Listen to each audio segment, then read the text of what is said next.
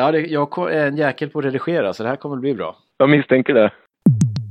Förbundet, det är Mikael. Hallå simförbundet Mikael. Tjena, tjena. tjena. Ja. ja. Ja, är du redo då? Ja, ja. Fan, ja, ja. Vi kör. Ja, då kör vi. Eh, hej och välkommen till Sveriges enligt många, faktiskt enligt de flesta, bästa och största podcast om simning, Snabbbanan. På andra sidan Skype-linan har vi vem då? Mikael Jansson, simförbundet. Och vad gör du på simförbundet? Eller vad är din titel kanske man kan börja med att fråga? Eh, förbundschef är min titel. Mm. Du har ju inte en jättestark, om man säger så, simbakgrund. Vad är det för fördel och nackdel med att eh, inte ha det om man är chef på simförbundet?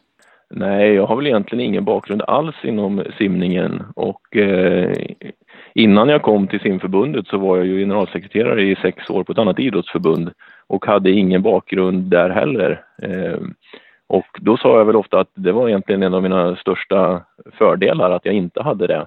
Och eh, jag är väl benägen att säga samma sak när det gäller eh, simningen. Ingen som kan eh, säga att ja, ja, han har ju sin bakgrund i simhoppet eller han har sin bakgrund i vattenpolon eller, eller något sånt där. Man får lite friare tyglar, man eh, har möjlighet att ställa de här lite dumma frågorna som ingen har ställt tidigare och slänga in lite brandfacklor här och där. Mm. Finns det någon nackdel med att inte ha bakgrunden från sporten? Ja, men det är klart att startsträckan blir ju lite längre rent kunskapsmässigt. Men eh, man får försöka att väga upp det med ödmjukhet inför att eh, andra kan så mycket mer än man själv. Mm. Och hur länge har du varit inne som chef nu? Eh, det är strax tre år. Tiden går fort. Mm. Vad överraskade dig mest när du kom till simningen mot vad du trodde att det, hur det skulle vara? Jag tror inte att det var något egentligen som överraskade mig i och med att jag hade varit i motsvarande roll på ett annat förbund eh, under sex år innan. Ehm, däremot så den största skillnaden mellan Skyttesportförbundet som det var då och simförbundet det är väl egentligen eh, föreningsstrukturen skulle jag säga. Ehm, Skyttesportförbundet har runt 1150 föreningar och simförbundet ungefär 300 föreningar. Eh, så det säger ganska mycket om skillnaden i, i föreningarna. Mm. Eh, här har vi dessutom ungefär, jag tror det finns ungefär 400 anställda inom svensk eh, simidrott. Medan Skyttesportförbundet är 100% ideellt arbetande. Och de här 400 anställda över hela landet, hur får man dem att göra det som man vill att de ska göra? Ja, det är ju såklart en utmaning. Jag menar, de här är ju inte jämnt fördelade över alla våra föreningar utan föreningarna har ju väldigt olika förutsättningar. Vi har allt ifrån stora eh, föreningar med flera tusen medlemmar ner till eh, små eh, ja, sommarsimskolor som egentligen bara lever några månader om året. Självklart kan man ju inte kommunicera och möta alla dem på precis samma sätt utan det gäller att hitta, hitta kommunikationsvägar eh, för de olika så att säga. Mm. Och just det här med småföreningar jämfört med storklubbar. Det finns ju en risk att storklubbar oavsett vilken sport men i simning specifikt tar över och att det blir liksom dit man söker sig och att det utarmar de mindre föreningarna. Är det ett problem som ni har sett inom simningen? Och i så fall vad gör man åt det om man vill göra något åt det? Eller är det bra att de storklubbarna blir större? jag tror att det går att ha en symbios mellan stora och små eh, klubbar och eh, jag, eh, jag, tror inte att vi ska vara utan vare sig det ena eller det andra.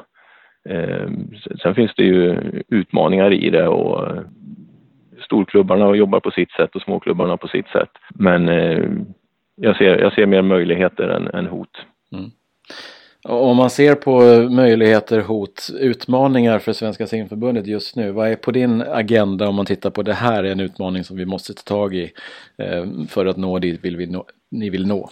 Ja, egentligen så har vi ju att utmaningarna i den strategi som man har tagit fram nu fram till 2025 där hela simidrotts-Sverige egentligen har gjort ett kanonjobb i framtagandet skulle jag säga och varit väldigt delaktiga från föreningsnivå, distriktsnivå, eh, olika kommittéer, eh, förbundsstyrelse och så vidare. Och eh, vi har nu kommit, ja, vad kan det blir, tre fjärdedelar in på den första verksamhetsinriktningen och eh, det gäller ju att hålla i den nu ytterligare då tre verksamhetsinriktningar framåt. De är tvååriga. Men där har vi ju en del utmaningar i, i de olika fokusområdena. Vi pratar om simidrott för alla till exempel. Vi pratar om att vi tillsammans ska utveckla svensk simidrott. Eh, vi pratar om livslång simidrott och simidrotten och samhället. Det är de fyra huvudområdena i den eh, strategiska planen då till 2025. Och där, där finns de utmaningarna vi står inför och det är det vi ska jobba mot.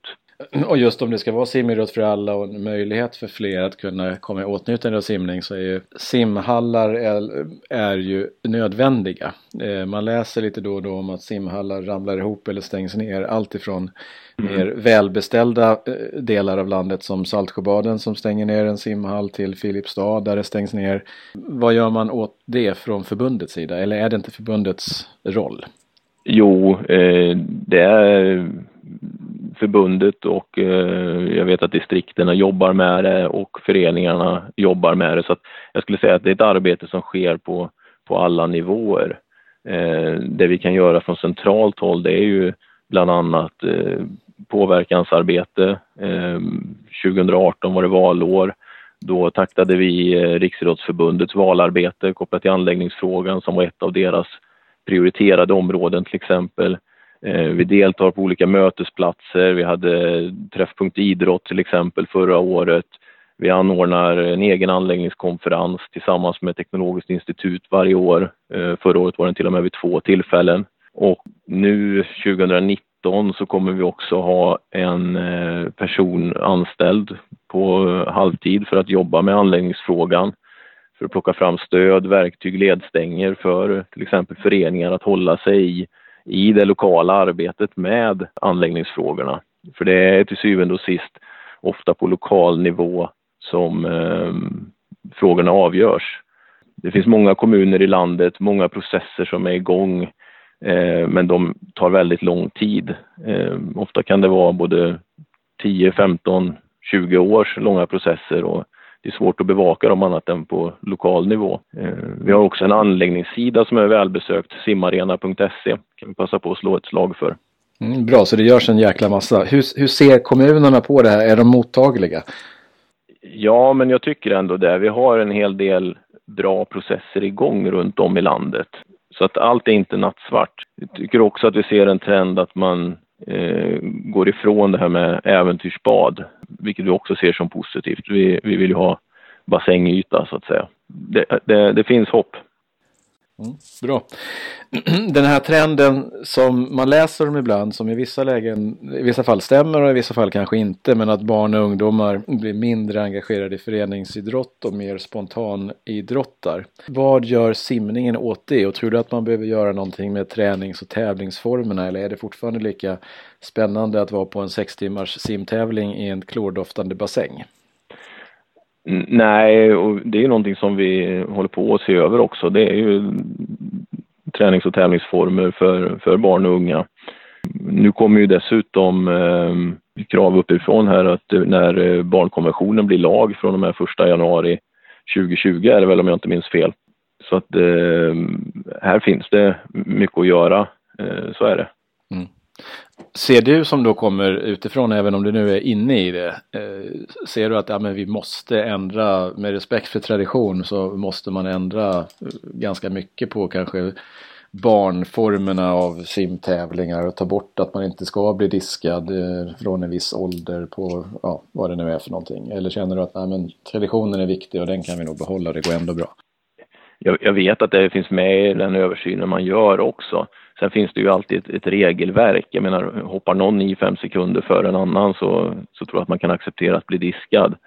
Så, oavsett vilken ålder det är. Eh, sen finns det ju mer, mer eller mindre allvarliga övertramp så att säga. Så, men vad det landar i vill jag egentligen inte föregå. Det, det är inte en, en fråga, ligger inte på mitt bord utan det, det, finns de som kan det betydligt bättre än vad jag gör.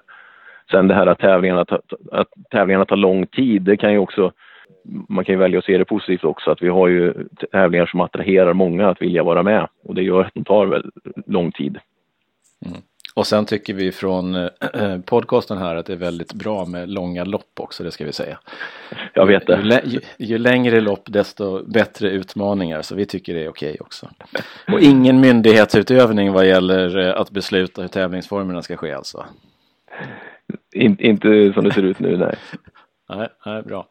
Eh, om man tittar bland vuxna så är det ju definitivt så att simning senaste tio åren har vuxit i popularitet som tusan. Det är fullt på lunchpassen, morgonpassen och kvällspassen i jättemånga simhallar. Varför tror du att det är så och kommer det att fortsätta? Ja, det, det får vi väl hoppas. Ehm, det ligger ju, det ligger ju rätt i tiden eh, just nu det är väl lite det här att eh, utmaningen blir ju att bibehålla intresset så att det inte blir så att våtdräkterna kommer ligga och torka ihop eh, hemma i garagen likt eh, vad windsurfingbrädorna gjorde efter windsurfingtrenden på 80-talet. Ehm, jag är ju själv en av de som har börjat simma nu i, i vuxen ålder så att ehm, jag kan absolut förstå varför den här trenden är som den är. Och hur, eftersom du tog upp det själv nu då, jag tänkte vara snäll och inte ta upp det, men nu har du ju öppnat på den där Pandoras boxen om din egen simkarriär. Vad, hur har det gått? Eh, jag insåg ju ganska snart att eh, jag är nog en eh, öppet vattensimmare mer än jag är en bassängsimmare. Eh, du är jävligt dålig på att vända. Du är dålig på att vända och behöver en flytkraft i form av våtdräkt alltså? Ja, det var väl en ganska bra summering utav min status. Är det någon tävling på inom eh, närmsta tiden? Eh, nej, det är det inte. Nej. Vansbrosimningen eller något sånt spännande? Jag utesluter ingenting eh, framöver. Men vi, politiskt vi, svar. Ja, exakt. Ja. Mm. Ja, ja. spännande, det ska vi hålla koll på. Ja. Vi är osäkra på om Mikael Jansson från simförbundet verkligen kommer att simma Vansbrosimningen i sommar. Men du som tränar simning och tävlar kanske till och med i lite öppet vatten eller i bassäng Se till att gå till tyrsverige.se så hittar du de bästa och snyggaste simkläderna och badprylarna som du någonsin kan tänka dig. Hemsidan är uppdaterad, färsk och fin. Det är lättare än någonsin att hitta det du vill ha. Ett perfekt tillfälle att gå till www.tyrsverige.se efter den här podcasten. Nu tillbaks till Mikael. Om man går från novis i simbassängen till lite mer expert och pratar internationella simtävlingar. Hur nöjd är du med eh, Swim Open? Jag tycker att Swim Open verkligen har hittat sin, sin form nu, eh, ska jag säga. Vi har ett koncept som passar oss riktigt bra. Vi ska ha i åtanke att vi jobbade före min tid med att ha World Cup. Jag tror att man hade det under 11 år eller något sånt. Det var ju en ekonomisk förlustaffär varje år. Så att jag, jag tror att Swim Open eh, är här för att stanna. Tjänar ni pengar på Swim Open? Det är i alla fall ingen förlustaffär. Om man tar nästa steg från Swim Open till att kanske arrangera internationella mästerskap så har det funnits lite rykten om att det kanske skulle kunna hända någonting i Göteborg eller i Malmö eller Jönköping och vad det nu är för någonting. Är det fortfarande intressant att kunna vara, ha internationella mästerskap i Sverige? Ja, det skulle jag säga att det är. Vi har ju undersökt lite olika spår eh, bara under min, mina tre år här. Eh, olika städer och olika mästerskap och så vidare. Och det vi har gjort senast i tid är ju en förstudie kring ett eh, eventuellt kortbane-EM i Stockholm. Där vi också har fått eh, stöd för att göra en sån förstudie av Riksidrottsförbundet och Stockholms stad. Och vilken tidshorisont pratar man om om man väl går vidare och när skulle ni vilja ha det i så fall? Det är egentligen för tidigt att säga. Det beror lite på eh, andra internationella evenemang eh, i Stockholm också. Har simförbundet någon eh, officiell hållning eller har du någon hållning vad gäller eh, diskussionerna och eh, tankarna kring Finas Champions Swim Series visavi eh, International Swim League och hela den här geggan om man nu får uttrycka sig så? Det är, det är svårt att tycka så mycket. Eh, nu har ju fina eh, serier precis startat här och ISL kommer igång senare i år. Ehm, vi får väl se hur det, hur det utvecklas. Eh, vi stänger väl inga, inga dörrar åt något håll. Kartan kommer säkert ritas om lite de närmaste åren men exakt hur den kommer se ut tror jag ingen riktigt vet idag jag tror ofta, det här är också kopplat till att, att synas i, i media och så vidare och det är lätt att klaga på att man inte syns. Samtidigt måste man ju ha en, en produkt som är tilltalande och som också kanske hjälper till att bygga eh, profiler inom simidrotten. Förhoppningsvis kan de här serierna hjälpa till med det framåt, att vi kan bli mer attraktiva. Pengamässigt för simningen så är ju de här serierna också bra för utövarna. För, sim, för simförbundet som sådant, hur stor potential tror du det finns att generera mer intäkter och vad skulle ni i så fall vilja använda dem till som ni inte kan använda dem till nu? Tittar vi på som förbund så då finns det ju två vägar. Det är ju marknadsintäkter och så är det, är det olika former av statsanslag. Ehm, statsanslagen ska ju du och jag sitta på ett riksidrottsmöte här och besluta om om ett par veckor. Eh, så får vi se vad det kommer leda till.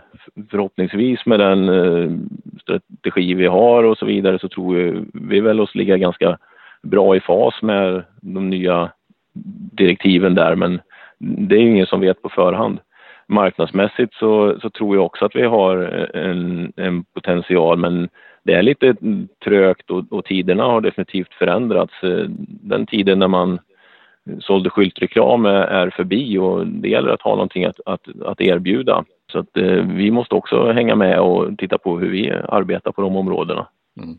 Om man tittar på ah, de simmarna som nu blev uttagna till VM med ganska hårda kriterier för Sverige. Man ska verkligen kunna vara där och och, och göra, göra ett avtryck. Skulle du vilja om det fanns pengar, om du ska gå in och klampa in på sportsliga delen nu, att fler fick möjlighet att åka till VM eller är det en pengafråga eller är det en strategi att nej det ska bara vara så här den här höga klassen på dem? Nej, rent, rent ekonomiskt så var det ju budgeterat för att fler skulle kunna åka. Men eh, och, och de, eh, de sportsliga kvalifikationerna eller gränserna, de eh, är det inte jag som ska uttala mig om. Om man hade haft fler snabba simmare så hade fler kunnat få åka. Definitivt. Svenskar i internationella förbund, är det viktigt? Ja, det är ju det är en strategisk fråga för, för styrelsen ytterst att ta ställning till. Vi har ju eh, en viss representation både i internationella förbundet FINA och i det europeiska LEN eh, idag. Sen om den eh, ska vara mer eller mindre, det, det är ju någonting som styrelsen behöver fundera kring och jobba med över tid. Det är inget man gör på en, på en förmiddag. Har du någonting du kan rekommendera? I vilket avseende? Ja, det är en väldigt bred fråga. Man, eh, här får man välja. Man kan välja allt från eh, ett recept på kanelbullar eller en bra Youtube-kanal eller att åka till eh, klimatsmart till Danmark på semester eller något annat. Ja, nu, nu när du eh, frågade om du fick eh, prata med mig här så hamnade jag ju direkt i det här poddträsket om man får uttrycka sig så. Och ja, eh, lyssnade faktiskt på en podd, jag tror det hette Förnuft och känsla inom Dagens Industri med en herre som heter Henrik Persson Ekdahl som numera sitter med i en marknadsgrupp som vi har bildat på simförbundet. Ja, just det. Ja. Eh, det var intressant att höra honom där, så den skulle jag kunna rekommendera.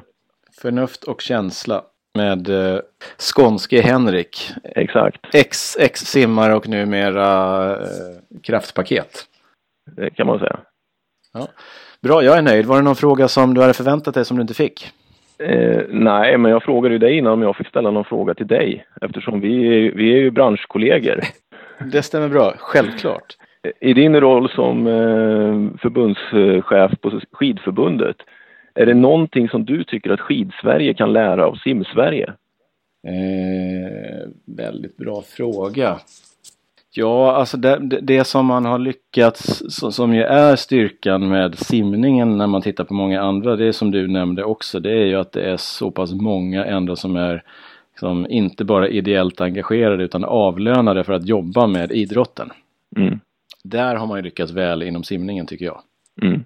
Man har många som får betalt för att hålla på med det som nästan alla andra gör ideellt. Och det är en, eh, det är en styrka för simningen. Ja, det är nästan bara de stora lagidrotterna och eh, golfen skulle jag säga som kan matcha det. Precis. Så ja, det är definitivt. Ja. Bra, jag är nöjd. Är du nöjd? Jag är nöjd. Eh, vi får väl se Tack. vad resultatet blir.